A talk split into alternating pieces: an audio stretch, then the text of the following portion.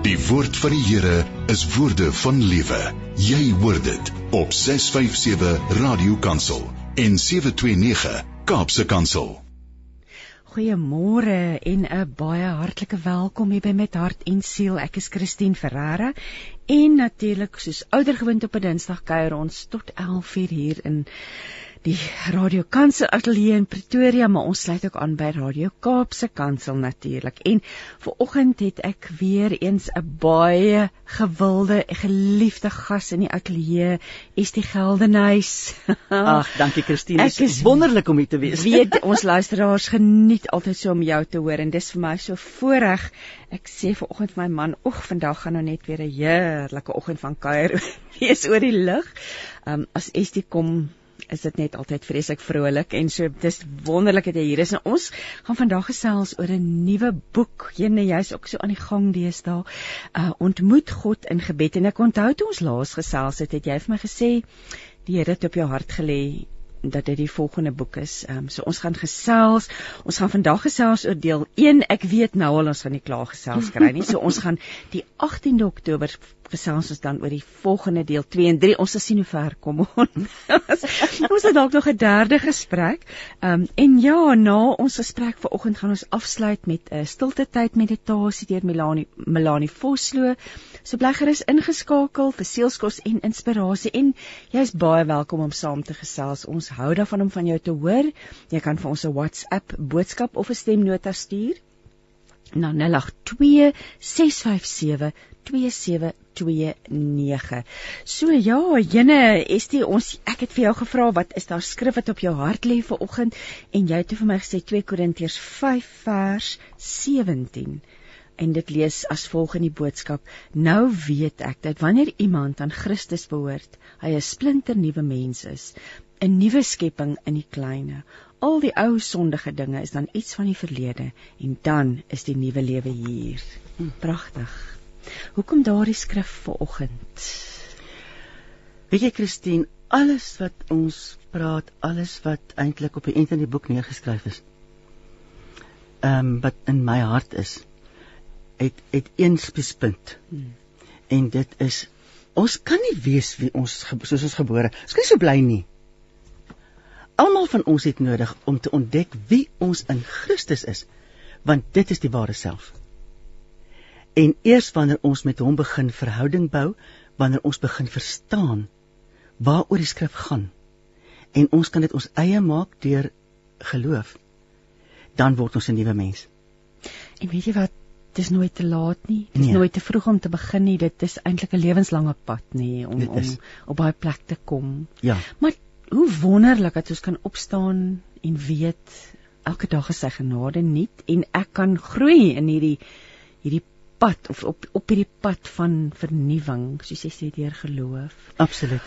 Kom ons praat, kom ons begin ontmoet in gebed uitgegee deur Lux Werby en ehm um, jo, dit is 'n hele boek oor gebed. Wat is gebed? Watter waarde vind ons dan? Hoe bid 'n mens? Ehm um, wat het aanleiding gegee tot die skryf van hierdie boek? Weet jy, ek kan net vir jou sê dat ehm um, Kom ek begin by die by die waarheid. Dit is altyd 'n goeie plek om te begin. ek het groot geword in 'n kosbare huis, baie pragtige ouers gehad, heerlike gesin, vyf kinders, middelste van vyf kinders. En in my standaard 6 jaar het ek onder die klank van oom Dana Minnar Parys CSV kamp Parys OVS nie nie nie oor die seas nie. Ehm um, het oom daarna gepreek oor daai kosbare vers in Openbaring wat Yeshua by die deur staan en klop en hy het 'n groot prent ook gehad daarvan en gesê ek staan by die deur en hy klop. Maar die deur wat hy op sy prent gehad het het nie 'n knop gehad aan die buitekant nie. Hmm. en om daarna se boodskap was jy moet nou kies met en ons almal ons teen die ses dogtertjies het oopgemaak. Oh. en weet jy na daardie insident weet ek dat ek dinge in die woord ontdek het. Ek het woord waarheid ontdek. Ehm um, maar ek weet ook dat dit te dikwels is dit net sommer so gestop, gestop, gestop. Hmm. En ek het nooit verstaan waaroor dit gaan nie. En daar was spesifieke dinge waaroor ek nie beheer gehad het nie wat in my binneste van my binneste was.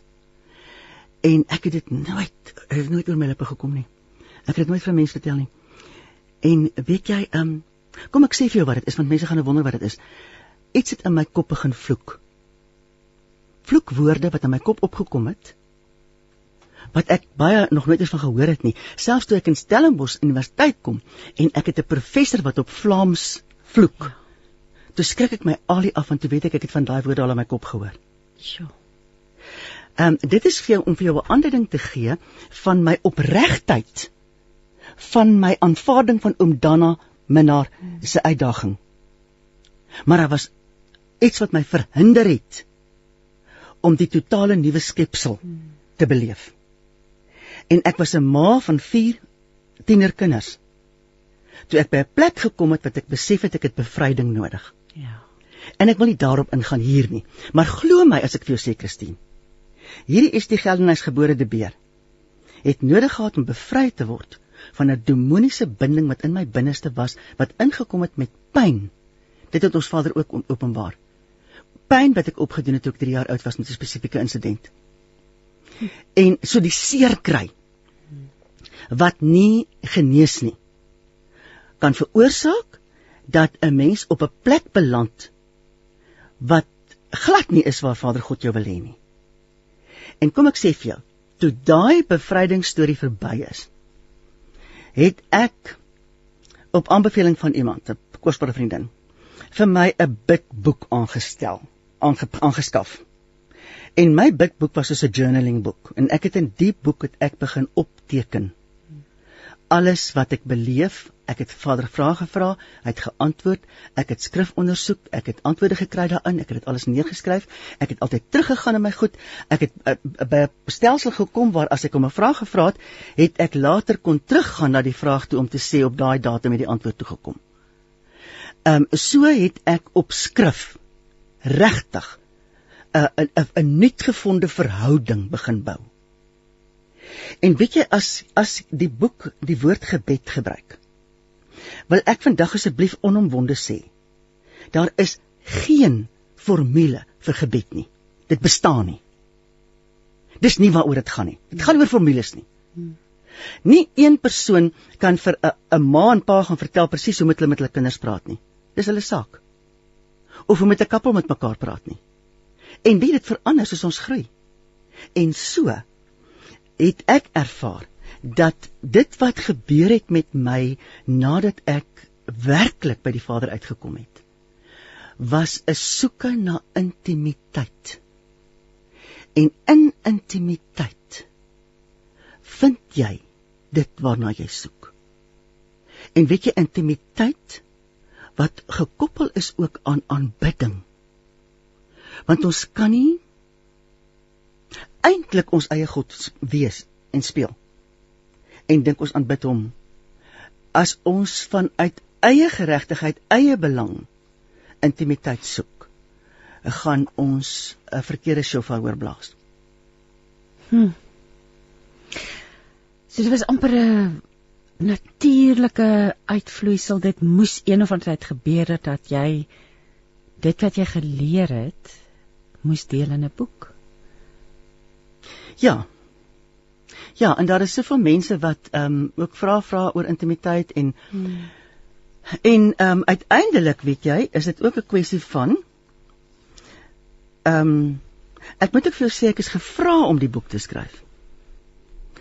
En toe ek gevra is om die boek te skryf, ek het nie gedink om 'n boek oor hierdie onderwerp te skryf nie.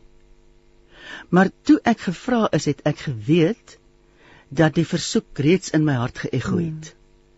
Ons Vader het reeds in my hart my voorberei om my gedagtes te kan neerskryf op papier. En dit het op 'n enteboek geword. En ehm um, maar ek het hom gevra voor die tyd. Ja, natuurlik. Ek kan nie dink dat jy En as ons ek weet nie wanneer jy wil as jy wil eers musiek maak, dan Nee, nee, wat kom op. Kan ek nog nee, nog vir jou vinnig iets vertel? Ja, okay. absoluut. Nou maar kom ek vertel vir jou. Toe ek hom gevra het, ehm um, is dit sy wil dat ek hierdie boek moet skryf. Het hy my die wonderlikste visioen gewys. O, Christine. Dis my so kosbaar. Ek wil sommer chunk daarvan. Ek het my tissues nog nie, nie naby nie. Ek sal nou uit alsin musiek maak, maar in elk geval, weet jy, ehm um, Vader het my 'n visioen gewys. Waar ek staan binne in 'n blom. 'n Reuse blom. Spierwit. En weet jy, hy het 'n lang, diep kelk. En dan op die bopunt van die kelk is daar hierdie vyf blare. Vyf die getal van genade en vrugbaarheid in die gees. Sulke vyf blare wat sulke punte maak wat so uitkelk buitekant toe. En dit gebeur omtrent hier ergens tussen my diafragma en my skouers begin hulle so uitkelk. Maar waar ek staan in die blom, staan ek toe in vuur wat brand. En die vlamme lek so op teen my lyf. Hulle hulle verbrand my nie want hulle brand skoon. En dit brand tot so hier by my diafragma. Nou kyk, ek is die anti van die drama. Ek kan vir jou vertel. Hoe belangrik is jou diafragma nie net in om asem te haal nie, maar asembeheer en self stemplasing. Jy weet om stem te kan gebruik. Kom alles van jou vermoë om jou diafragma te hanteer. En dis tot daar waar die vlamme gekom het. Daar waar die stem wat moet gegee word aan die boodskap. Tot daartoe is alles skoon gebrand. Hm, so die bevestiging was daar. Die bevestiging was daar. En hierdie boek gevloei, jy weet maklik geskryf want uh, jy het hom in 3 dele. Ons gaan nou 'n bietjie gesels daaroor ook, maar het dit maklik gevloei? Het jy baie terugverwys na jou notas of vir, vir jouself? Nie in die boek nie, maar ek bedoel weet jy ek het, ek het by my notas begin. O, dis 'n mooi plek om te en begin. En toe besef ek maar dis die verkeerde plek om te begin. ek sien nou gereken dit is wonderlik om terug te gaan. Niks nou te werk nie, want toe gaan dit oor estiese notas. Oh, okay. okay. Jy sien so die fokus is verkeerd. en die uiteinde was dat ek toe regtig ek het ek het aanvanklik gestoei om koers te kry. Maar toe die koers kom, toe ek het ek het letterlik myself weer teruggebid in daai blom in. En vir Vader gevra, brand dan nou alles weg wat ek gedink het, hoe ek gedink het ek dit moet aanpak. En gee my u antwoord. En dit is toe wat op die eind uitgekom het. Die heel eerste hoofstuk van die boek gaan dan oor sy grootheid. En van daar af het ek ingestap in die woord self in. En uiteindelik het ek aangehaak by Andrew Murray en heel aan die einde toe nou 'n getuienis gegee van wat met gebed in my lewe gebeur het. Weet jy, dit is so lekker om ver oggend herinner te word aan die wonder van gebed, want baie keer is dit maar 'n vinnige lysie wat ons mm. aframmel of versoek of soos Joyce Meyer sal sê, jy weet, ons dink ons is besig om hier by 'n drive a, a, a, wat sou mens sê 'n 'n kits restaurant deur te ry en ons bestel gou iets en om weer herinner te word daaraan wat gebeur as 'n mens met die Here praat, met Vader praat vanuit die diepte van jou hart en die goed wat in jou lewe gebeur en aangaan nie. Kan ek vir jou skrif gee? Ja, asseblief. Hebreërs 9 vers 14. Jy sien, ehm um, ek het 'n pastoor Janie Roo geken, hy is ongelukkig oorlede, wat my geleer het as jy as 'n skrif so na jou toe kom, iemand stuur dit vir jou, jy lees dit raak, jy jy herinner, weet hmm. wat ook al, as 'n skrif aanhou kom, moet jy vra vra oor die inhoud van die skrif. Wanneer jy die regte vraag gevra het en die regte antwoord gekry het, gaan die skrif weg. Dit is net so. En hierdie skrif 9:14, Hebreërs 9:14 het aan mekaar na my toe gekom op 'n stadium en dit lees hoeveel te meer sal die bloed van Christus wat homself deur die ewige gees aan God sonder smet geoffer het julle gewete reinig van dooie werke om die lewende God te dien. Nou mense kan gerus die skrif in konteks ook gaan gaan lees om dit die, die maar ek ek wil net fokus op hierdie julle gewete te reinig van dooie werke om die lewende God te dien. Jong, ek het oor hierdie vraag vrae gevra hoor, en maar ek het nooit gekom by die dooie werke nie en ek het ook nie gekom by die by die slegte gewete nie. Want ek was die anti van die draadloos en ek dink nie ek is daar nie, jy weet. Ai, is die En weet jy uiteindelik, toe ek vir Vader vra, "Oké. Okay, laat ek nou asseblief net hierso my kop stil maak en vir u vra wat in my is dooie werke. Dis die vraag wat ek gevra het. Dit het my drie goed genoem. Dit, dit vat nog al 'n bietjie waag, nie waag moet jy in die woord nie, maar dit vat durf om vir die Here dit te vra nê, want ons dink om ons dink nie ons is besig met dooie werk. Exactly. Dis hoekom my so lank gevat het om die vraag te vra. Maar ek ek het besef ek is besig om te versmoor in my binneste. Ek kon nie anders nie. En ons Vader God het vir my drie goed gesê. Hy het vir my gesê jou gebed is dooie werke, jou lees van jou Bybel is dooie werke en jou kerk toe gaan is dooie werke. En my eerste reaksie was, hoe is dit moontlik? Weet jy net my duidelik laat verstaan oor die lees van die Bybel dat ek in die oggend lees en by 12 se koers het ek nie koek en klou wat ek gelees het nie. Gie, julle en ag vergeet.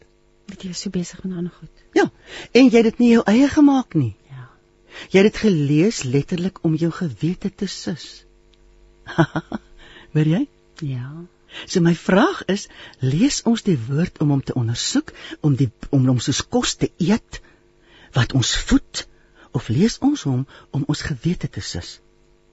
Oor die gebed.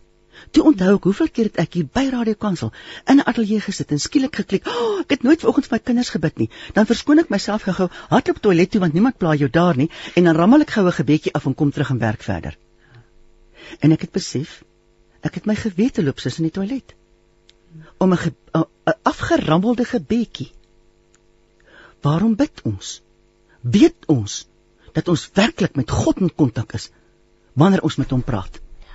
Die derde een was die kerk toe gaan ry. Hoeveel keer sou ek baie seker maak dat almal sien ek het nie gebank nie. Ek is hier.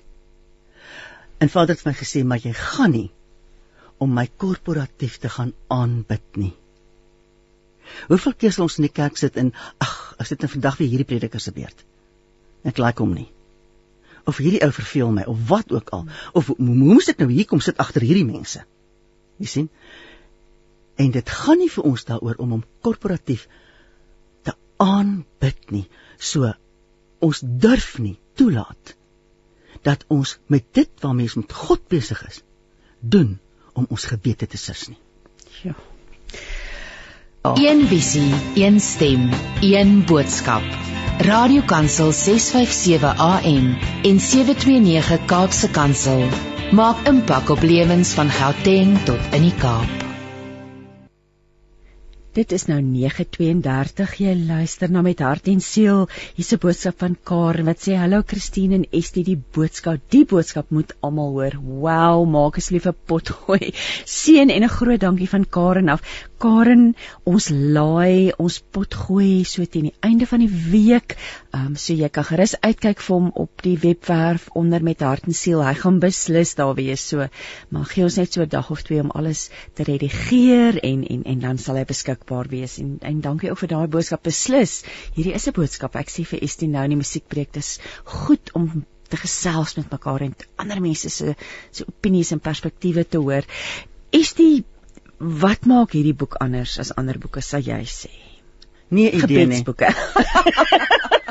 daar so daar bestaan daar's baie boeke. So, jy sê net nie idee nie. Ek het nie idee nie. Ek dink bloot die feit dat jy dit geskryf het. Nee. Ek dink en jou unieke aanslag. nee, weet jy wat? Ek het nie slim antwoord. nee, weet jy wat Christine? Ek het nie gaan sit en kyk wat het ander mense geskryf nie. Ja, ek stem saam met jou. Ek het net na na, na die boek toe gegaan, die Bybel. Mm en en op Vader gewag en gevra wat wil u hoe wil u met ek doen? Mm. En soos ek jou sê, ek het ek het met my wegtrek lekker droog gemaak en maar hy het my so mooi ingenudge na waar hy my wil hê en ehm um, nee, ek het glad nie gekyk na wat ander doen en hoe ander doen. Mm. Want ehm um, maar weet jy wat? Ek dink dis iets wat ek dalk in my drama opleiding geleer het. As ek byvoorbeeld 'n prosa doen, Ek het op 'n stadium 'n prosa uit my kop uitgeleer wat 25 minute gevat het om te praat uit kringe in 'n bos. Nou, as ek sulke soort goed gedoen het, ek het nie gekyk wat doen ander mense nie. Ek het ek het gevoel hoe voel dit binne in my en hoe hoe gaan ek dit uitleef? En en dit is soos ek skryf ook. Ek kyk nie wat doen ander mense nie. Ek nie om te vergelyk nie. Ja, ja ek dink dit maak jou vryer nê as jy nie ja. kyk nie. Dis my so mooi die omslag. Dit het my opgeval. Dis 'n houtbruggie deur so grasveld na die see toe en dis daai koneksie nê die brug wat gebed. Dis hoe ek dit beleef het toe ek na die voorblad gekyk het. Dat gebed is eintlik 'n brug na God toe vir ons, nê om oor te stap. Mm. Jy het gepraat van die deur wat die knop is aan die binnekant. Ja, ja. Maar hierdie brug is ook 'n brug wat ons almal kan oor. Dis reg. Maar jy, jy moet jy moet as jy die boek lees, Christine, sal jy sien dat my klem was deurgangs op intimiteit. Hmm. Want ehm um, gebed word gebore uit intimiteit. Wat is gebed? Gebedsgesprek. Hmm. Ek dink ons kan so baie maak van formules oor gebed en wat werk en wat werk nie en hoe watter orde. Ehm um, terwyl dit iets spontaans behoort te wees wat juis hmm. uit intimiteit kom. Maar die belangrikste daarin dat ons twee goed, ons sal weet wie hy is, met wie het ek hier te maak. En dat ons onsself sal oefen daarin om in alles om eerstens te aanbid. Kom ons begin by hoofstuk 1. Want jy daarna verwys, dit was jou beginpunt. Ja. Wie is God? Wie is dit wat ons aanbid? En dit is so belangrik om daar te begin. Kom kom ons praat bietjie daaroor. Wat wat is die ontdekkinge wat jy daar met ons deel? Ehm um, Weet jy, ek het net brood gaan kyk daarna dat hy die skepper is van alles. Hmm. Hy is die skepper van alle dinge. En ehm um, jy weet, dinge van die skepping wat my byvoorbeeld baie intrigue, ekskuus, wat is die Afrikaans? interesseer. Fascineer, Vas, fascineer, ja. vasgryp. Ja. Is ehm um, daai dag 1 van die skepping. Onthou jy? Hy het lig gemaak. Maar wie Christine het was nie 'n ligbron nie. En ek het baie gesoek. En uiteindelik het ek by 'n paar predikers agtergekom wat of skrywers wat wat op dieselfde punt neergekom het. Wat saam glo dat daai lig wat hy so neergesit het is geregtigheid. Dan kom jy in die Nuwe Testament en dan dan is Yeshua, Jesus sê ek is die lig van die van die van die wêreld, ek is die lig van die lewe, ek is ek is die lig. Hy is die lig. En dat daai lig is niks anders as geregtigheid nie. Want waar daai lig skyn, kan ongeregtigheid nie bly staan nie. Jy sien, so as jy net net dit werklik waar, weet dit dit dit kan jou daar vat om regtig net hier hierdie begrip te besef wie dit is na wie toe ons kom. As ons dan vra wie aanbid ek? Om dan te besef hy is nie net die skepper van hemel en aarde. Hy is die een wat wat geregtigheid is en hy wil dit elke dag vir ons in ons in ons dag en alles wat ons aanpak wil hy vir ons neersit en wie nog 'n ontsaglike gedagte is die feit dat ek glo dat ons Vader God het voor die grondlegging van die aarde geweet wanneer elkeen van ons gebore gaan word. Ek glo dat hy ons ouers uitgesoek het want hy het geweet wat hy met my en jou wil doen in hierdie lewe. Daarom het ons spesifieke gene nodig gehad. Maar ook 'n karakter en en 'n spesifieke lyn van opvoeding. En daarom het hy ons pa en ons ma vir ons met sy hand uitgesoek en selfs broers en susters. En wie ek ek wil nou elkeen challenge wat wat na my luister op die oomblik. Dink gou terug aan jou ma en dink aan jou pa en weet. Daai twee mense is dit die hand van die Almagtige vir jou uitgesoek hmm. as jou ouers. Jy's nie toevallig uit hulle gebore nie. Nee. Jy was eerste en dit God hulle gekies. En verder as jy 'n ma is, of 'n pa. Geld dieselfde na jou kinders toe. Ja. Hy het jou uitgekies om geboorte te gee aan jou kinders. Dit pas my so mooi aan by wat jy oorskryf nou en ek gaan vir jou vra daaroor is oor die detail, die detail van die skepping wat ja. vir ons duidelik wys hoe groot is God, nê? En wat jy nou sê is dis presies dieselfde. Dit dis detail en ons daar's biljoene mense op hierdie aarde om te dink God is 'n God van detail. Um jy gaan terug na die natuur toe in hierdie in hierdie eerste hoofstuk en ek wil hê jy moet asseblief vir ons luisteraars die storie vertel oor die spesifieke blommetjie en bytjie in die Drakensberge. Weet jy ek het in in hier in ateljee 4 het ek dit opgeneem. ek het gesels met 'n man wat 'n plantkundige is en ons het oor oor Vader God gepraat en oor die hoe ons sy hand in die natuur kan sien en hy vertel toe dat hy um, hierdie plantjie het wat groei in die Drakensberge en hy het Duitse gaste gehad wat hy moes gaan rondry in Suid-Afrika en hy het vir hulle die plantjie gewys en hulle was verskriklik geïnteresseerd in die plantjie en hulle het toe toestemming gekry om 'n spesimen daarvan saam te vat Duitsland toe terug. En die ouens het hulle plantjie vertroetel en versorg en gealles. Maar die plantjie wou nie voortplant nie. Hy het blom, hy het geblom en gealles. Maar daar het nie saad, die saad het nie ontwikkel nie. Toe kom die ouens terug na die vriend van my toe en hulle vra vir hom wat het gebeur? Wat gebeur in die natuur in die Drakensberge? En weet jy die die blommetjie van die plantjie het sy tipiese 5 groot blaartjies. Drie sit so aan die agterkant amper soos 'n orgidee se blare en twee aan die voorkant maak sulke lang pypies af onder toe. amper 'n sentimeter en 'n half diep. En is 'n pypie. En dan Wanneer die blommetjie gereed is om voort te plant, gaan daar nektar in daai twee pypies af. En toe het hulle vasgestel dat slegs in daardie area van die Drakensberg in Suid-Afrika is daar 'n bytjie wat besondere lang voorbeentjies het. En ouens het al gewonder hoekom wat gaan aan met die by? Hoekom het wat het hier verkeerd geloop? In die meantime gaan dit daaroor dat daai voorbeentjies moet afdruk in daai twee pypies in om die nektar by te kom. En terwyl daai twee beentjies daar so so in onder is, druk die borsie van die bytjie teen die stuifmeel. Dan het hy genoeg nektar, hy haal dit uit. Hy stoor dit ergens waar hy ook al sy sy nektar stoor en hy gaan na die volgende blommetjie toe. En so word die stuifmeel aangedra en die blommetjies kan saadjies maak. Dit is die detail wat ons Vader inbou in alles wat hy skep. Is nou 'n WhatsApp van Jacqueline wat sê: "Môre Christine en Estie, vir my werk, ek dink sy verwys terug na die skrif wat jy gesê het ons wat ons toe net ons toe terugkom. Vir my werk het om die skrif te vat wat na my toe kom en dan doen ek die volgende. Ek sê hardop eers dankie vir wat in die skrif is, dan vra ek vergifnis wanneer ek aangespreek word deur die skrif en dan verklaar ek die skrif oor my lewe.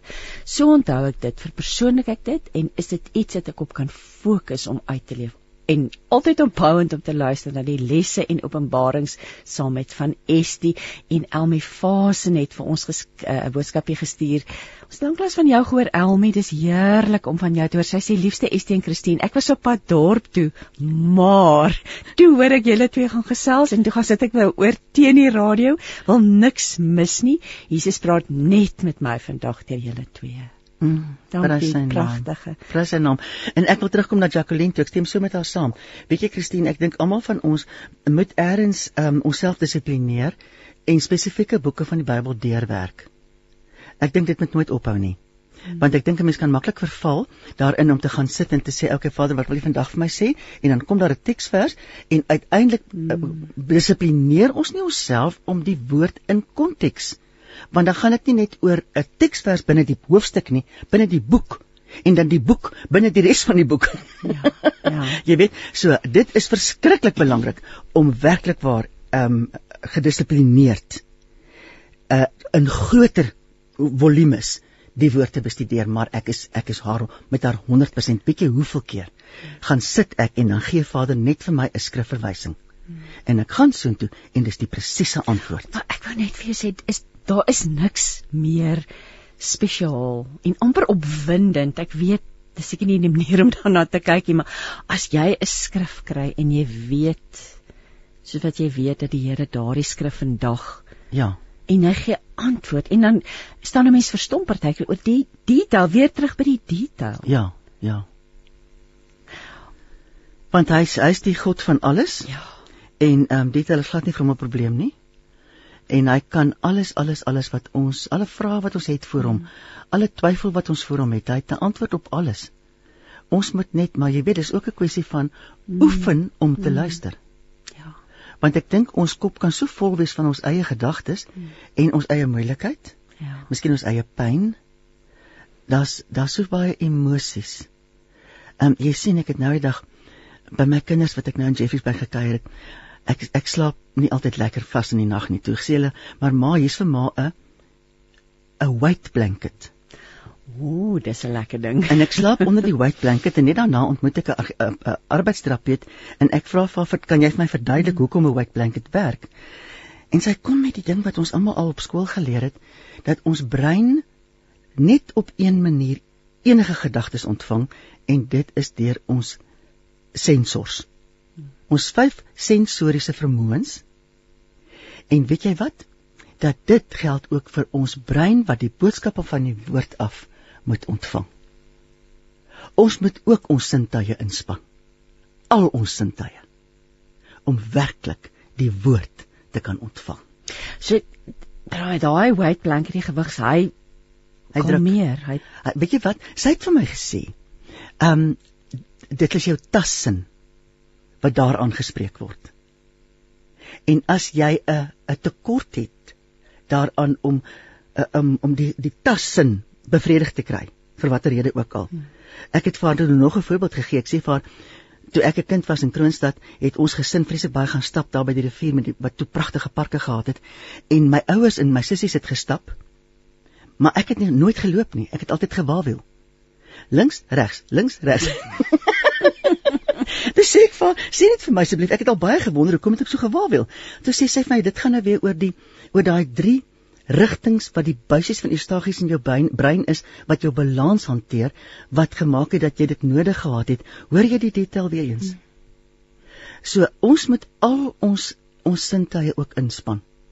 As ons werklik ons Vader se woord wil raak hoor en as ons wil toelaat want jy sien as daar goed is wat pla dan gaan dit nie deurgaan na waar dit hoort nie So ons moet vrede in onsself ontdek. Sodat die vrede van die Gees van God deur sy woord tot binne ons brein kan kom om daar nuwe neuronbane te maak wat ons lewe rig. Hier's nou 'n luisteraar wat sê en ek dink dis nou aanduiding van wat jy gesê het oor die pyn wat ook 'n rol speel Sy sê my ma is dood op 35. Ek hm. was 5. Ek weet nie regtig wie my pa was nie. Ek het twee gehad wat geen invloed verder op my lewe gehad het nie. My broer het met my gelol. Ek verstaan nie altyd God se plan nie, maar ek vertrou hom. Dit is iets wat werklik innerlike genesing nodig het. Hmm. Ek is ook gemolesteer. En dit is ook wat waar my pyn begin het. En ek kan net vir hierdie luisteraar sê, lieweling, jy moet uitkom by iemand wat met jou hierdie ding kan deurpraat en deurbid. Jy hoef nie te leef waar jy is nie. Daar's 'n nuwe lewe. Ek self is die resultaat. Dit wat ek was, is die resultaat van molestering. En ek sê vir jou die Here God het my daar uitgehaal. Hy het my voorkome genesing gegee en hy het my 'n nuwe mens binne-in gemaak. Dit is moontlik vir elkeen van ons. Dis wat hy vir ons wil doen. Pyn hoef nie deel van jou spyskaart te bly nie. Kom ons luister na Halleluja SA wat vir ons sing. Kom leef in my.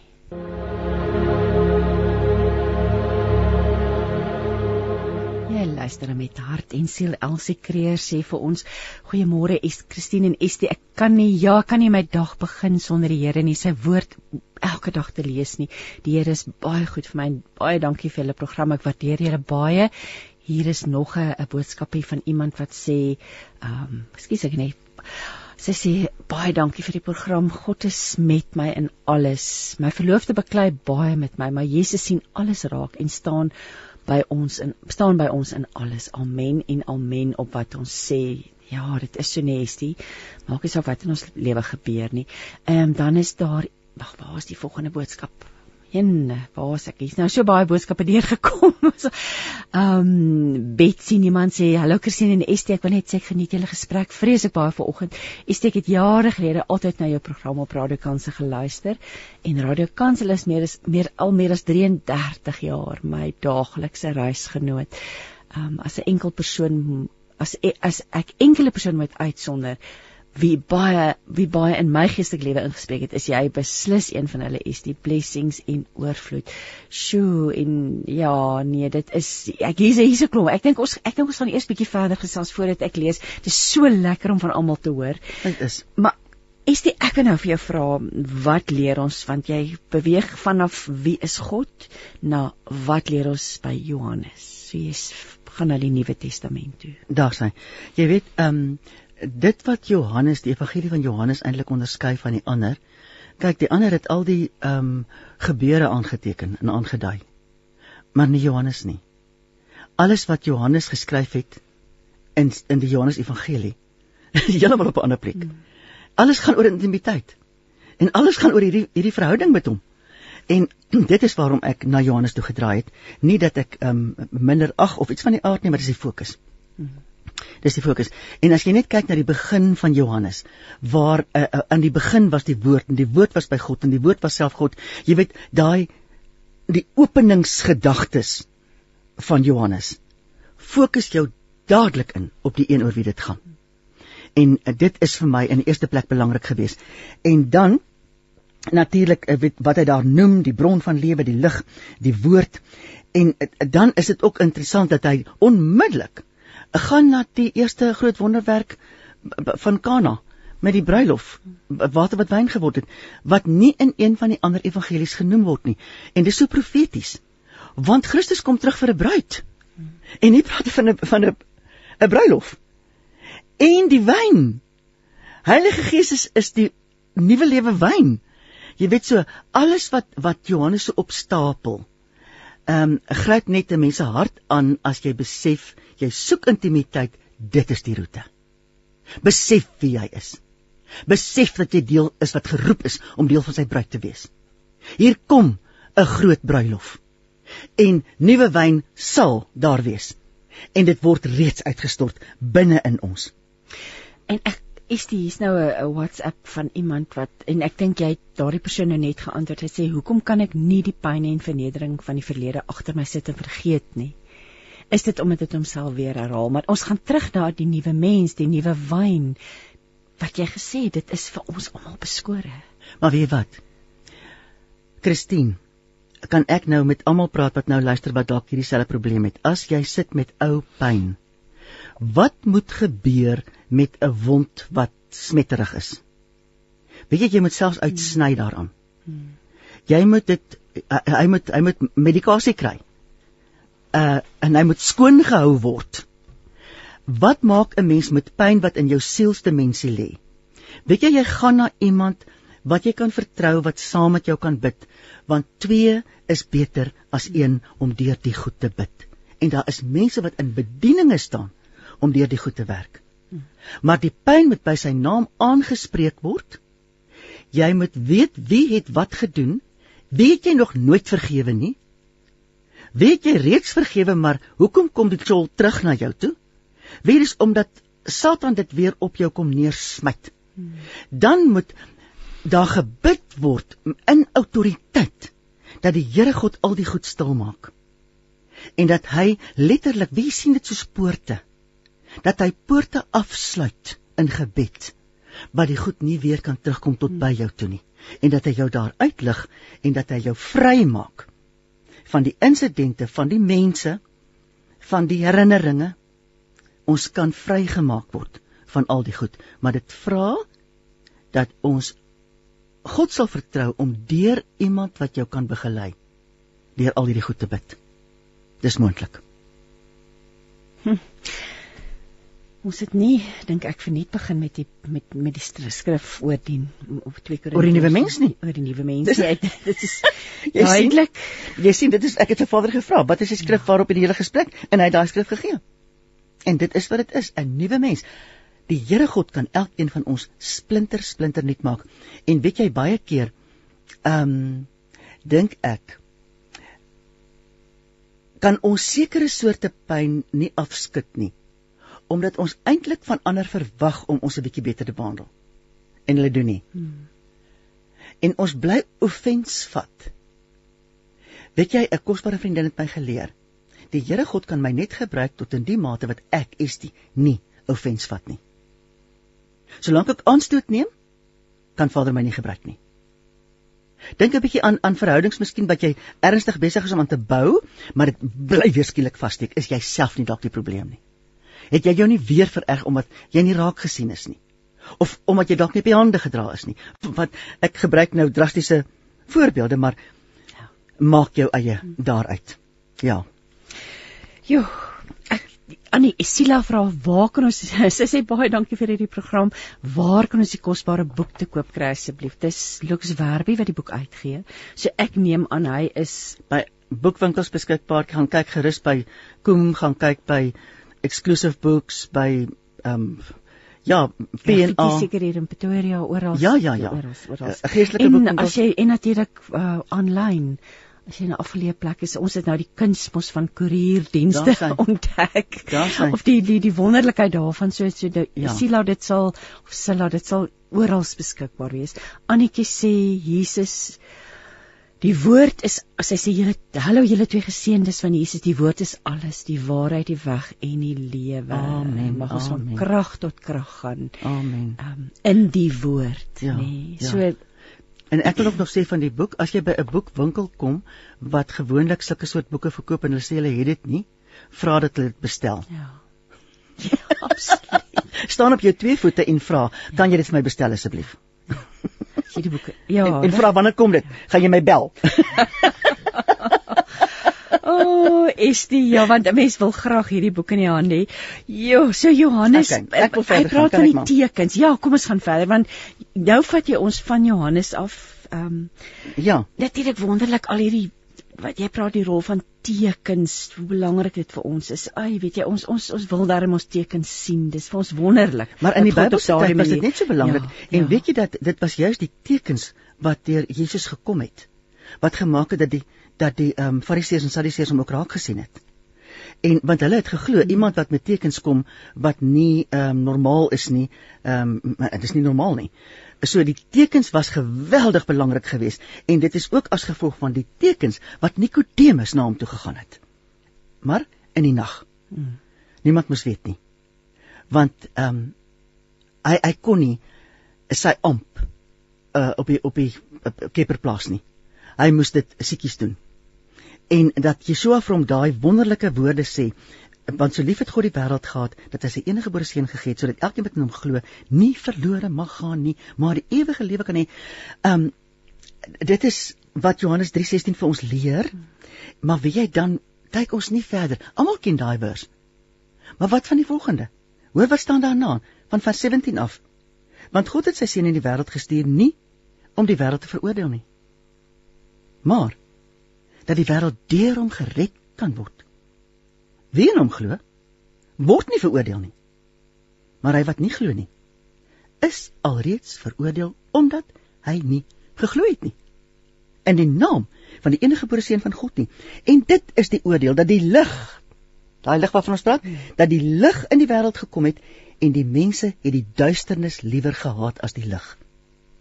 Want hulle werke was boos. Want elkeen wat kwaad doen, haat die lig en kom nie na die lig toe nie dat sy werke bestraf mag word nie. Maar hy wat die waarheid doen, kom na die lig sodat sy werke openbaar gemaak kan word dat dit in God gedoen is. Dit is die die ander kant van die munt wat ons nie mag vergeet nie. Dit is dit gaan nie net oor die wonder van Christus wat gekom het nie, die mens moet sy keuses maak. En jou keuse en onthou Christus het nie gekom om te veroordeel nie. Maar ons keuse maak dat ons of in sy lewe uitkom of dat ons onsself in die oordeel in beland. Ria sê baie dankie vir 'n pyprogram. Herhaal asseblief die boek se naam.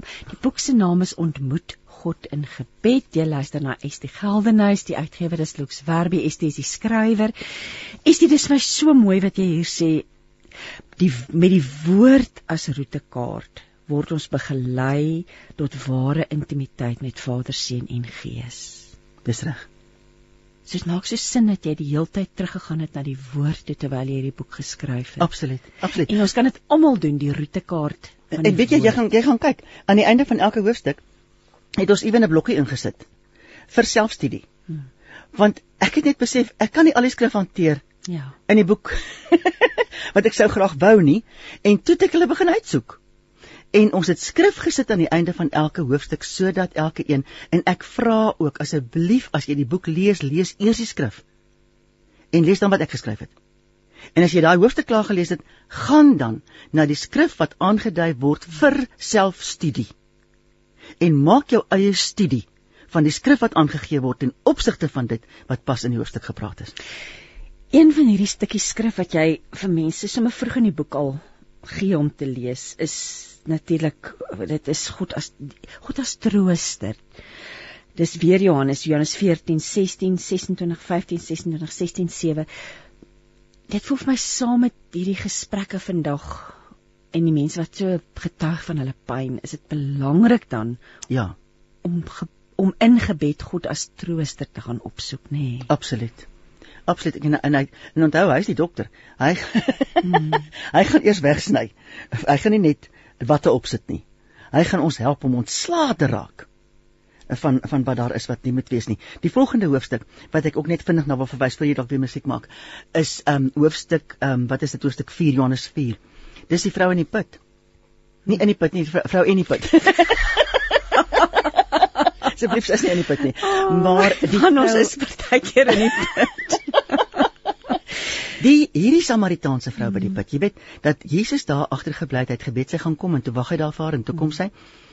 En die gesprek wat hulle gehad het en die hele ding wat sy as so alles so lukraak bo langs tot hy haar vasvat en vir haar sê gaan roep jou man en dan, dan sê hy mos vir haar maar ek weet die man wat jy nou is is die 5de en is nie jou man nie. Met ander woorde hy tot in die diepte van haar hart het hy tot haar gespreek. Maar hierdie hierdie hoofstuk gaan alles oor aanbidding.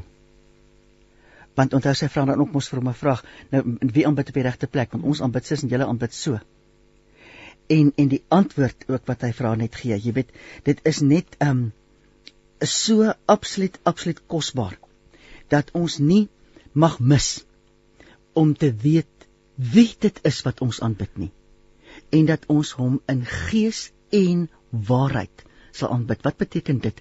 Ons moet die gees van God toelaat om ons aan te raak, om ons binneste te rig, te stig, te vernuwe net die gees van God kan dit doen. En dan dit wat daarmee saamgaan. En dit gebeur deur woord. En weet jy wat, ehm um, Christine, as ons regtig wil bid met ons woord bid. Vat woord en bid dit. Vat die psalms. En en bid die psalms. Ehm um, weet jy en as jy as jy as daar iets is waaroor jy ehm um, gehoor voel, um, byvoorbeeld daar is 'n spesifieke skrif, is dit nou in Jeremia 17. Ehm um, nou probeer ek dit onthou uit die amplified. Ek is spyt ek het nie my amplified hier nie, maar hy sê as jy if you uh, um leave the en, en laat ek dit nie probeer doen nie. Maar hy hy spreek jou aan daar en sê los al hierdie gedagtes en al hierdie woorde wat jy het wat jou eintlik net in die gat aftrek. As jy dit bereid is om dit te los, dan sal ek weer vir jou optel dan vat ek so 'n skrif as ek so gehoor voel oor goed wat ek nie kan entkry meer nie. Dan sê ek Vader, dit is my waarheid. En ek kies nou ook om soos wat U vir, vir Jeremia gesê het, los hierdie goed. Ek ek bid dit nou oor myself. Hmm. So moet ons die woord oor onsself bid. Daar's krag in. Don sê, "Is die wow vandag was net vir my." En dan ons het Letty, ons het net ver oggend het ek en Estie oor jou gesels en nou Dries en hier's nou 'n wraggie se boodskap wat sê van Letty af wat vir ons sê die Here lei ons elke dag en dra ons in ons moeilike tye. Die Here gee ons krag en bewaar en beskerm ons elke dag en so bemoedig ons mekaar ook, nê. Nee. Mm, mm. Maar hoe wonderlik wat jy sê gaan bid dit, gaan bid dit wat wat wat wat, mm. wat ja, dit wat ek kan los nie. Die Here is my herder. Ja. Ek sal niks ontbreek ja. nie um bid dit en bid dit gelowig. En dat goedheid en guns my sal volg al die dae van my lewe oral waar ek gaan. Jy weet, sien hulle so kom. Goedheid en guns en goedheid. Besluit watter linkervoet of regtervoet is. is die goedheid en die guns. Maar beleef dit asof dit jou waarheid is. En stap so die dag in. Ja. Willie Natasha Jobe, en Natasha Jobe sing vir ons, jou God sal jou deerdra. Kom raak aktief. Geloofsaktief met 657 Radio Kansel en 729 Kaapse Kansel. Jy luister met hart en siel ek gesels met Estie Geldenhuys oor haar nuwe boek Ontmoet God in Gebed uitgegee deur Lux Werby.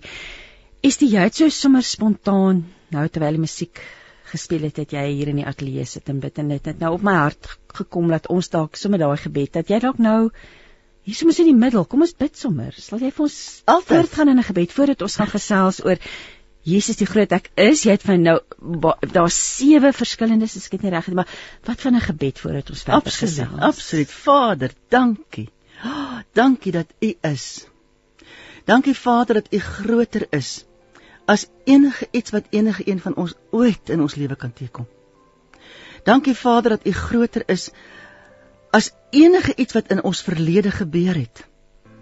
Dankie dat U groter is as enige iets wat op hierdie oomblik in die wêreld gebeur. Dankie Vader dat ons kan vra dat alles wat ons nou hier in hierdie ateljee praat. Vader, Ek ek wil die prentjie sien van woorde wat soos druppels olie uitgaan oor die lug. En Vader, oral waar dit val, mag dit jukke breek. Mag dit genesing bring. Mag dit verzoening bring. Maar dit mag dit begrip bring. Vader, mag dit ons in U intrek. Mag ons werklik deur hierdie gesprek net weet Alles wat ons hier praat is die waarheid. En dis my waarheid. Ek is deel daarvan. Dankie Vader. Dankie dat U elkeen van ons se harte op hierdie oomblik so in U hande hou. En dankie dat U ons harte vir U self bewaar. Ek wil vra dat dit wat ons hier praat waaragtige bydrae maak tot 'n intimiteit met U wat deur niks gebreek kan word nie. 'n Intimiteit wat lei tot 'n nederige afhanklikheid van U wat die enigste een is wat vir ons lewe kan gee. En tot geloof in U wat deur niks versteur of van balans af of vernietig kan word nie. Dankie. U is die groot ek is. En ons eer U. Halleluja. Amen. Jo. Jesus die groot ek is. Jy wy 'n hele groot gedeelte, dis alles deel van deel 1. Kom ons praat. Kan jy dink dat Johannes die enigste een was wat dit neergeskryf het? Is dit nie besonders nie. Ja. En daarmee maak ek nie die ander evangelies hoegenaamd af nie. Ek wil net weer eens beklemtoon. Wat is dit wat Johannes gehad het? Dit was intimiteit. En dit wat hom aangegryp het, wat hom letterlik tot in die hart van Christus moes gebring het, dit is wat hy in hierdie evangelie vir ons neer agtergelaat het, né? Hmm.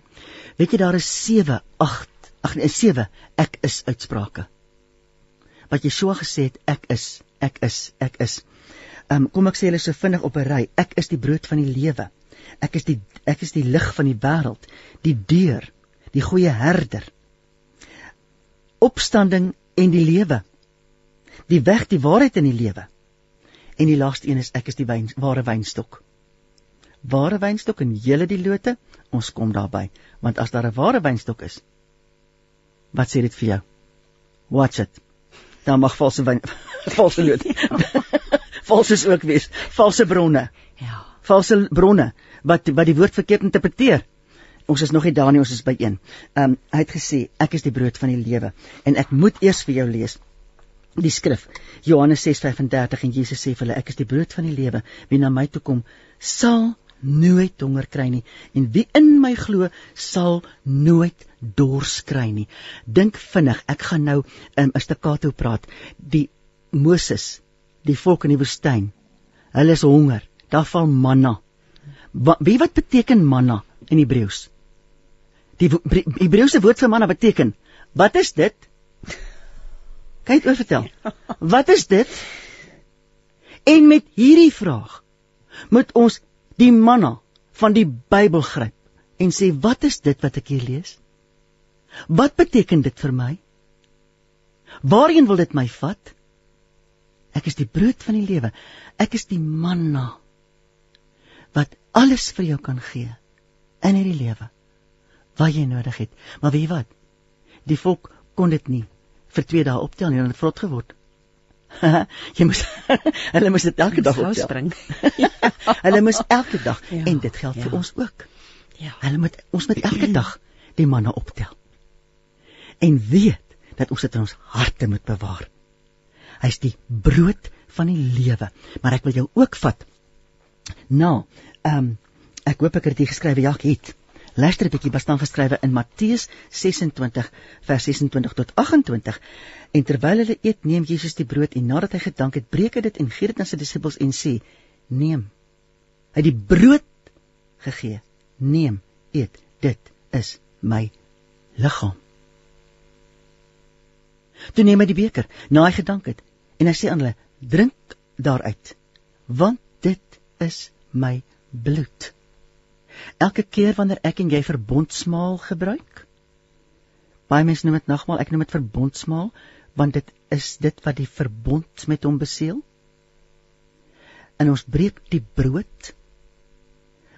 Eet ons dit asof dit sy liggaam is. Wat sê die Petrusvers? Die Petrusvers wat praat van uh, wat self ons sondes in sy liggaam op die kruishout gedra het sodat ons die sondes kan afsterwe en vir die geregtigheid lewe deur wie se wonde jy genees is. 1 Petrus 2 vers 24 Hierdie brood is nie net die woord nie dit is die brood wat ons as verbondsmaal eet en weet dit word fisies deel van my en wat word dit wat word deel van my? Die genesing wat sy gebroke liggaam aan die kruis vir my gebring het. Ons mag nie daai deel van sy brood vergeet nie. Hy is die brood van die lewe. Hy sê ek is die lig van die wêreld. Johannes 8:12. En Jesus het weer met hulle gespreek en gesê ek is die lig van die wêreld. Wie my volg, sal sekerlik nie in die duisternis wandel nie, maar sal in die lig van die lewe hê. Weet jy ook dit slaan twee kante toe. Aan die een kant wys hy vir jou die pad. Aan die ander kant skyn hy binne in jou. Om vir jou te wys wat se twakse daar. Wat moet uit? Jou gesindheid. Weet jy ons gesindheid bepaal ons hele lewe. Hoeveel keer vind ons nie dat ons vrotgesindheid die sterkste uitkom as ons bestuur? Absoluut, dis die waarheid. en veral nou met ons kragbeurte. Met ons kragbeurte wat almal so mik mik en wanneer wanneer gaan wie nou ry by die verkeerslig, né? Ja. Ja, ja, ja. So gevaarlik. Hy is die lig van die wêreld. Hmm. Onthou ek het reg in die begin gesê daai lig is hmm. geregtigheid. So wanneer ons in daai lig is, wys ongeregtigheid homself uit. Hy wys nie net vir ons die gereg, ongeregtigheid nie, hy wys vir ons die pad en hy wys vir ons wat in ons genesing nodig het. Hy's die lig van die wêreld. En weet jy wat? Die derde een is ek is die deur. Watter deur? Nou het ek 'n uh, 'n uh, 'n hele um 'n lering wat ek ook in die boek beskryf wat ek net vinnig wil deel en dit is 'n kosbare lering wat 'n mens eintlik 'n uur oor kan praat maar um sit gou-gou daai sensors aan wat vinnig snap. Matteus 24:14 lees. En hierdie evangelie van die koninkryk sal verkondig word in die hele wêreld tot 'n getuienis van al die nasies. En dan sal die einde kom. Daar was 'n tyd gewees dat ek gevra het, Vader, ek ken nie die evangelie van verlossing. Wat word nou hier gepraat van evangelie van die koninkryk? Nog nie daarvan gehoor nie. En toe spring die juffrou in my uit en ek skryf bo op 'n papier evangelie. En ek skryf aan die linkerkant waar mens begin verder skryf van verlossing. En outomaties aan die ander kant van die koninkryk. En toe ontvou die hele tafereel. Weet jy wie is die simbool van die evangelie van verlossing, die lam hmm. wat geslag is? Die leeu is die simbool van die evangelie van die koninkryk. Die lam is 'n deur waardeur ons eenmalig moet stap die keuse maak om te glo dat hy ook my verlosser is. Die leeu praat van 'n wandel wat deurlopend is. Jy moet elke oggend opstaan en opnuut wandel saam met die leeu van Juda. Die deur praat van mercy. Die leeu praat van grace. Jy weet die verskil? Mercy not to receive what you deserve. Hmm. Grace to receive what you did not deserve. Die bloed van die lam is die krag van verlossing. Die krag van die opstanding van Christus uit die dood uit is die krag van die leeu. En wanneer ons by daai deur ingekom het en kon kom tot by die lewe van die leeu, ontvang ons hierdie opstandingskrag en ons hoef nie in ons vrot en ons vuil en ons seer te bly sit en leef nie. Jy kan opstaan daaruit. Geen verhouding mag jou vashou in vrot nie. Dis nie van die Vader nie. Die evangelie van die verlossing is vir die lost. Die evangelie van die leeu is vir die kerk wat klaar verlos is. Jesus vir hom het die evangelie van die verlossing, die evangelie van die lam het hom alles gekos. Hy moes sy totale, hy moes sy posisie in hemelse plekke prysgee. Hy moes hom verneder om 'n mens te word en hy moes tevrede wees daarmee om aan 'n kruis te sterf. Maar dit kos my en jou niks. Maar weet jy wat? Hierdie evangelie van die leeu het Jesus niks gekos nie. Hy het dit gedoen toe hy klaar was, toe hy in die hemelse plekke gesit het langs die Vader, toe was dit daar. Maar dit kos my en jou alles. Die leeuse evangelie kos my en jou alles. Dit beteken dat ons elke môre sal opstaan en opnuut hierdie hele wonder vasvat. En toe ek alles so geskryf het, toe lyk dit vir my soos twee pilare en ek vra vir Vader, maar hoe gaan ek van die een by die ander een uitkom? En ek teken so 'n brug. En wie wat Die brug word vir my verduidelik deur 1 Johannes 2 vers 12 tot 13 en ek wil dit lees in die amplified vertaling. I am writing to you little children, waar's hulle aan die verlossing se kant, né? Because for his name's sake your sins are forgiven. Hoor jy hom? Uit en uit. Die evangelie van die lam. I say I'm writing to you fathers because you have come to know, recognize, be aware of, and understand Him who has existed from the beginning. Ha! Dis die leeu, sien jy hom? Hmm. I'm writing to you young men, nog steeds leeu's. Because you have been victorious over the wicked one. I write to you boys, lads, waar's hulle hierdie kant? Because you have come to know, recognize, be aware of the Father So sien dit duidelik dat daar is 'n verlossing, 'n evangelie van verlossing wat jou bring daarby om alles te sien en te snap, maar dan moet jy oor die brug stap sodat jy kan kom daar waar jy in oorwinning saam met die leeu kan leef. Wat beteken dit? Wat moet op daai brug gebeur sodat ek van die een na die ander kan gaan? Eet die woord. Dis die eerste punt. Tweede plek, verstaan oorwinning oor die vyand. En dit leer al die ek is se ons. En weet jy wat se derde een? Sterf aan self. Solank ons nie kan sterf aan onsself nie, sal ons nie daarby kan uitkom nie. Hoor vir Lukas 18 vers 17. Elkeen wat die koninkryk van God nie soos 'n kindjie ontvang nie, sal daar nooit ingaan nie. Christine, hmm. hy is ons deur na hierdie lewe van oorwinning. Amen, absoluut. Melanie sing vir ons. Ek kan alles doen. Kom raak aktief. Geloofsaktief met 657 Radio Kansel en 729 Kaapse Kansel. Almy Fasen sê ek het nou net my boek bestel by Takealot en word al donderdag afgelewer. Elmi, dankie daarvoor. Ehm um, ek is hier weg. Is dit jy het nou so kosbaar met ons gedeel oor die verlossings, die evangelie van verlossing, die evangelie van die koninkryk. Ja. Ja. ja wat 'n wonderlike herinnering. En onthou hy het gesê ek is die deur. Ja. En dit is waaroor hierdie alles gaan. Want uh, ons kan nêrens by die goed uitkom.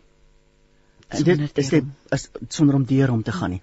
So om hom aan te neem en om te kies om te glo dat jy ingesluit is in sy verlossingsplan.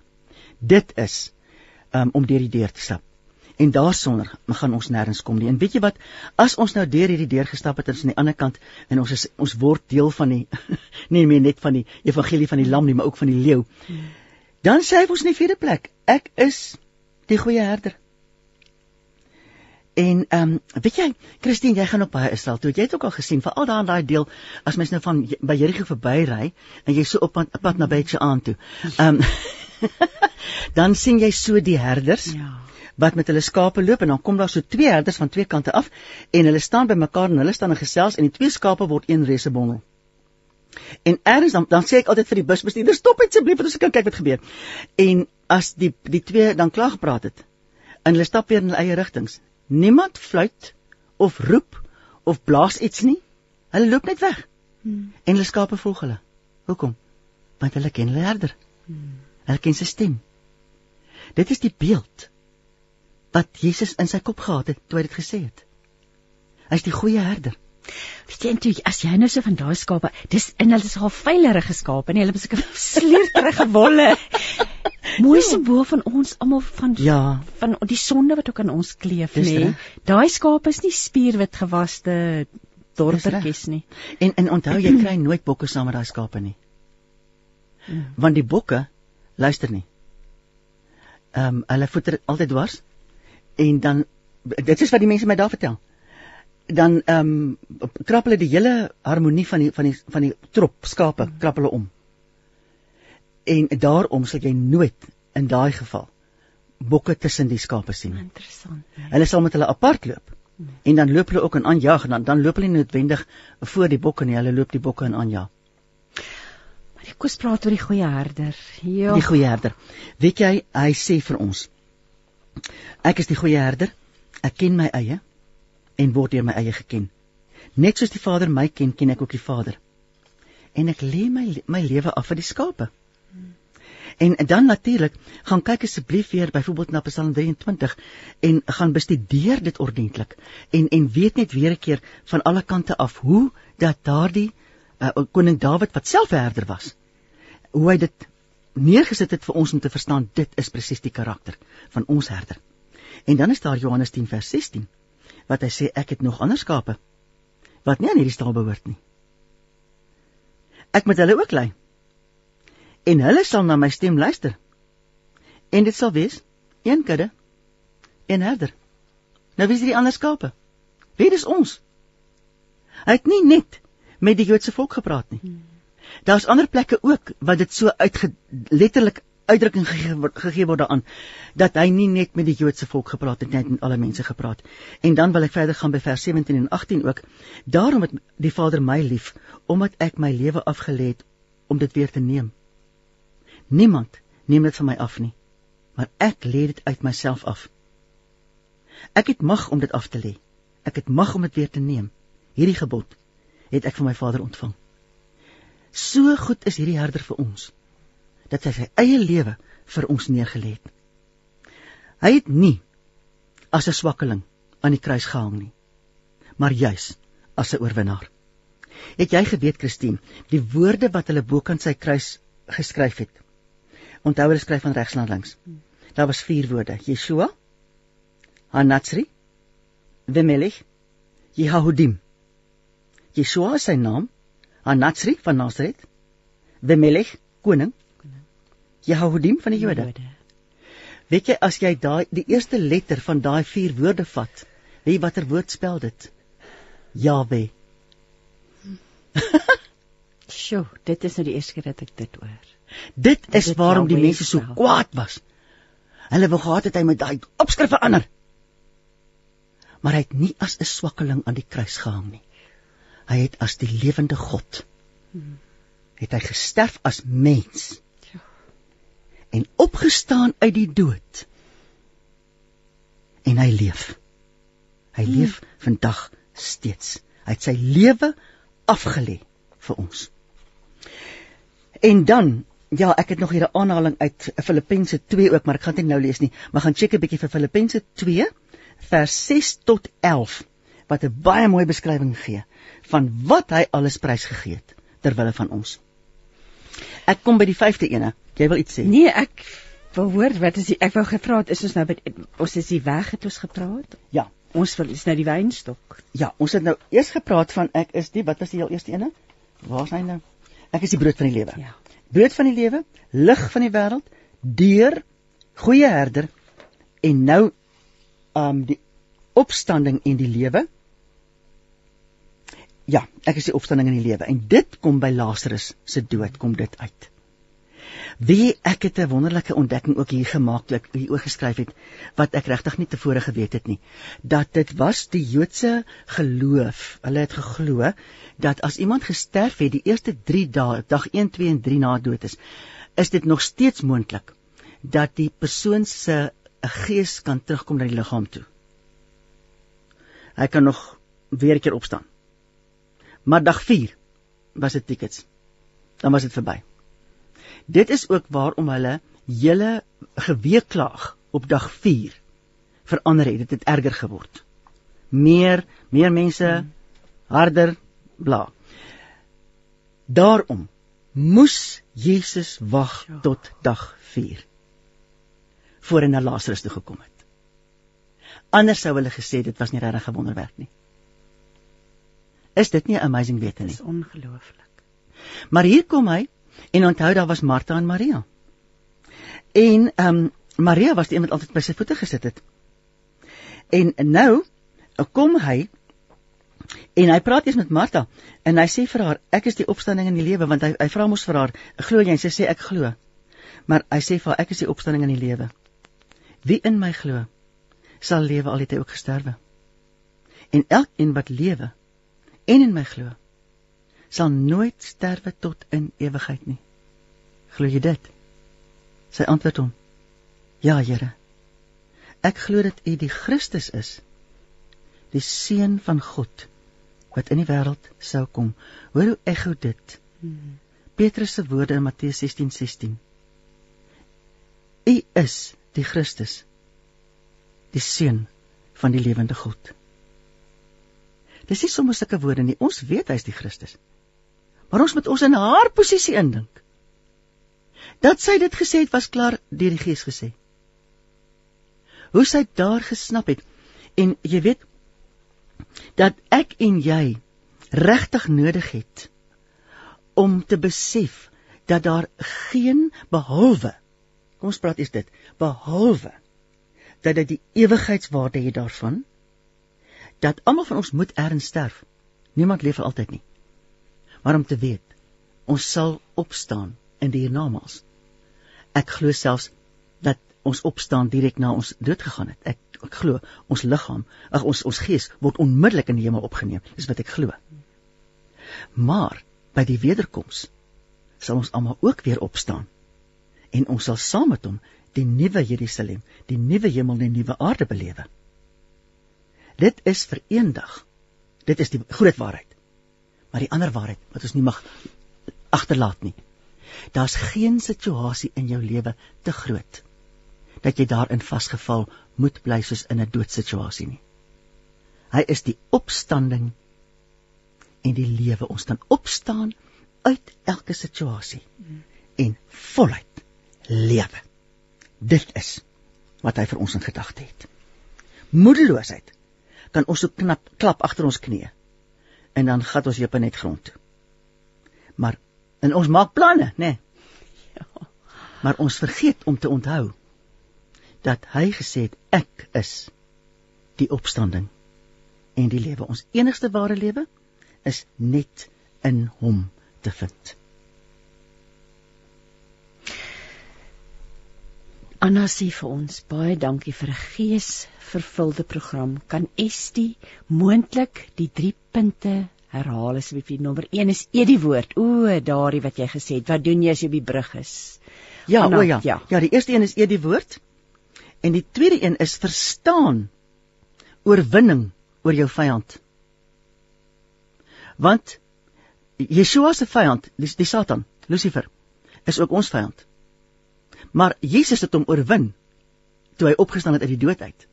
So daar's nie 'n dingetjie waarin Lucifer nog steeds vir Jesus kan ore aansit nie, met groot respek gesê. So ons moet verstaan hoe ons in Christus die vyand kan oorwin en die laaste deel was sterf aan self. Ons ons kan so belangrik wees vir onsself dat ons niks van hierdie goed kan leer nie. Daarom die eie ek, ekskuus vir die woord, moet vrek. Bestie. Kom ons kom o, jene ons het nog baie om te praat, dis hoekom ons nog 'n keer gaan gesels, maar miskien moet ons vanoggend se gedeelte afsluit met die die wynstok. Of nou, jy iets Nee nee, die eerste weg die waarheid in die lewe. Is ons nog Ja, daar's nog een. Ek is die weg, die waarheid en die lewe. En die lewe, die opstanding en die lewe, die weg, ja, die waarheid. Daar's daar's 'n groot verskil tussen opstanding en lewe en die weg, die waarheid en die lewe. En jy weet dit is interessant ook dat uiteindelik nadat hy um, opgevaar het na die hemel en die disippels en Paulus en almal ingegaan het in Europa aan en het hulle mos die beweging genoem die weg. Mm. Hoor jy? Ja. So daar is net een pad wat ons kan loop. En dit is die pad wat hy vir ons uitstippel. Hy is die weg. En alles wat ons in hierdie weg doen, moet ons meet aan sy waarheid want sy waarheid alleen is die volle waarheid. En weet jy die oomblik, waar's daai vers nou weer? O ja, dit is Kolossense 3 vers 15. Wat mens moet gaan lees in die amplified vertaling. Wat hy sê dat die die um peace will be your umpire. En as jy in 'n situasie is en jy verloor jou vrede, dan moet jy weet jy jy die waarheid nou erns verloor. Want die waarheid en vrede is pasmaats. Hulle hulle loop saam. Hulle is ingevleg met mekaar. So wanneer ons nie meer vrede het in 'n situasie nie, stop. Gaan terug op jou spoor tot jy ontdek waar het ek my vrede verloor. Vind dit terug, want dan gaan jy weer terugkom in die waarheid ook. En ons mag niks doen in hierdie lewe as ons nie weet ons het dit getoets aan die waarheid ook van die woord nie. En natuurlik die inspraak van die Gees wat in ons is. Weg waarheid lei tot lewe. En dan die laaste ene, die ware wynstok. Weet jy, ek het met 'n boer gepraat wat geboer het sy lewe lank met met tafeldrywe en hy vertel vir my dat 'n boer kyk na 'n stuk grond en dan sien hy ehm um, hoeveel watter gewig van drywe wil hy uithaal uit hierdie grond uit. Dit bepaal hoeveel wynstokke hy gaan insit. As die wynstokke begin groei, moet hy kyk hoeveel lote kan die ander wynstok toelaat. Wat onnodig is, want as daar te veel is gaan die drywe te klein wees. Hy moet alles meet. Dan as die as die lote bepaal is, hoeveel oogies is daar? Gaan ek hom ergens afsny. En uiteindelik selfs as die trosse begin vorm, as hulle uithaal, 'n korrels wat te veel is, korrels wat vrot is, wat nie ontwikkel nie. Alles ongelooflike intense hande arbeid. So hier's net 'n paar dinge wat ek moet uitlig. Die ware wynstok, Christine. Weet jy dat daar iets bestaan soos wat hulle noem cessationism? Cessationism glo met cessationists glo dat die werking van die gees van God gesterf het saam met die laaste apostels dat dit nie meer moontlik is vir die gees van God om deur mense te werk nie. Ja. Weet jy die kerk waarin ek groot geword het, het in daardie jare in cessationism geglo en ek het dit nie geweet nie. Hoor jy wat ek vir jou sê? Ons moet kyk en ek praat met ander woorde nou van uh, ketterige wynstokke nie. Ek praat van ouens wat jy vertrou. Ons vertrou mekaar. Maar is ons is mekaar op die bladsy van die volle waarheid. So ons moet seker maak dat ons by die ware wynstok is. En dan moet ons weet ook dat hierdie hierdie lote, ons is die lote. Hulle moet vrug dra. Ons moet toelaat dat hy ons snoei. Ons moet sy kos eet wat hy ons gee. En ons moet tevrede wees daarmee. Elke stukkie van die behandeling, want hierdie boer weet beter as ons waar ek as 'n loot op pad heen is. Hm. En die wyn wat hy my gaan gee, gaan gees vervuld wees. Dit sal nie lawaai maak wyn wees nie. Dit sal wyn wees wat my gaan bevestig en anker in wie hy is. Hm. Ek is die ware wynstok en julle die lote. Hier's nou 'n interessante WhatsApp van Ingrid af. Sy sê ek bid altyd as ek na Mamma Estie luister en dan wens ek so ons kan haar boeke vertaal in ander Afrika tale, veral Sesotho en isiZulu. Wat 'n fantastiese idee. Ons hoop die uitgewer luister ook hierna vanoggend om te hoor wat 'n wonderlike idee. Dankie Ingrid vir daardie boodskap. Sy sê ook dankie vir die fantastiese gesprek. Kom ons luister na 'n stukkie musiek uh, en daarna gaan ons luister. Ons gaan luister na Belinda Bronner wat Psalm 84 vir ons sing en daarna gaan Melanie Vosloo vir ons um, haar stilte tydstukkie deel en Estie ons gaan afsluit met 'n gebed daarna. Is reg. So maklik soos die druk van 'n knoppie. Die boodskap van die lewe op 657 Radio Kansel en 729 Kaapse Kansel. Ons het almal dinge waarop ons hoop. Iemand hoop op verligting van pyn. Ek weet van 'n vriendin wat hoop om van kanker genees te word. 'n Vriend hoop dat sy besigheid gered gaan word. En iemand anders hoop op 'n beter verhouding. Duisende hoop op 'n beter lewe. vir 'n huis van sand en steen verlopende water vir genoeg kos op die tafel. Waarvoor hoop jy? Dink daaroor en dan pak jy sommer net al die dinge waarop jy hoop, een-een voor jou Vader uit. As jy wil, maak 'n paar notas daarvan.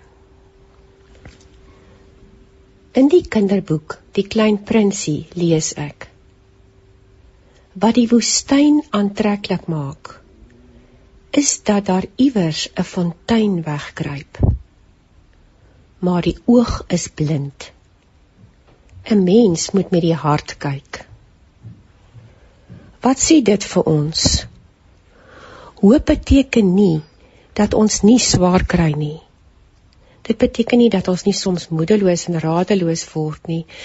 Dit beteken ook nie dat ons die realiteite van die lewe ontken en maak of alles honkie-dorie is net omdat ons Christene is nie. Nee. Mense met hoop is diep bewus van die woestyne waarin ons ons soms bevind. Dis mense wat die lang uitgestrekte droë vlaktes sien en wat dan die lewe vierkantig in die oë kyk. Dit sonder skroom vir hulle Vader gee en vra dat hy hulle sal help om die fonteine raak te leef. Om die goeie en die mooi wat daar steeds is in hulle harte te voel. Om die lekkertes van 'n familie en vriende te ervaar om bewus te wees van God se teenwoordigheid en van sy liefde en sorg in hulle lewe. Mense van hoop is mense soos jy. Mense wat met naakte eerlikheid voor die Vader kan sit en dan kan bid. Here, ek sukkel soms om hoop raak te leef. Ek sukkel regtig om nog die lewensfonteine raak te sien. Help my daarmee. Help my om die goedheid van die wat in die woestyne van die lewe afspeel regtig in my hart in te drink. Dit met dankbaarheid te omarm. Ja, help my om hoop raak te vat. En om dan saam met ander die fonteine van die lewe te vier. Die fonteine Here van u sorg, u liefde, u woord, u beloftes. Die fonteine van u wese wat elke dag in en om ons vloei. Here maak my vandag baie diep bewus van die fontein van lewende water wat in my is. Liewe vriende, Maak vandag Psalm 131 vers 3 jou eie. Stel jou hoop en vertroue op hom. Hy sal jou altyd veilig laat voel.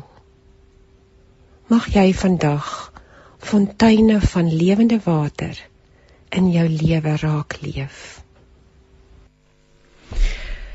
Psalm 84 is die ons wil graag afsluit met gebed. Jy sê jy het nou net vir my gesê wat 'n wonderlike Psalm, wat 'n wonderlike lied om die program mee dit af te sluit. Dit is so kosbaar dat dit toe die lied was waarmee ons program afgesluit word, nê? Nee. Ja, en ons is nie eers bewus daarvan ons is nie bewus daarvan. Ja, jy weet, ehm um, net die die die gedagte van selfs 'n mossie vind te huis, 'n swaakie en en wat hy ehm um, sê alles alles gaan van krag tot krag. Elkeen wat voor u verskyn in Sion gaan van krag tot krag. En dan dan lees die Psalm ook Here God van die leerskare, hoor my gebed, luister tog, o God van Jakob.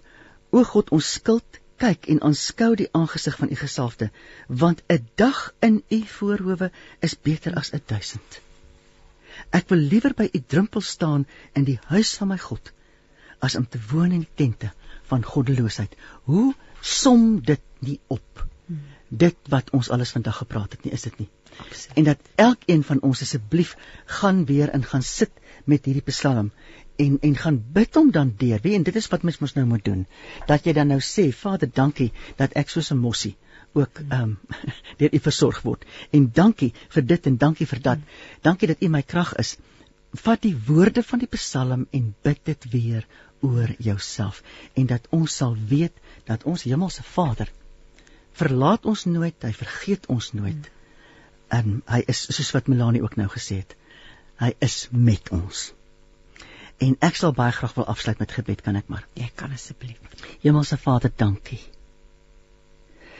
Dankie vir die wonder van radio. Dankie dat hier sit ek en Christine in die ateljee.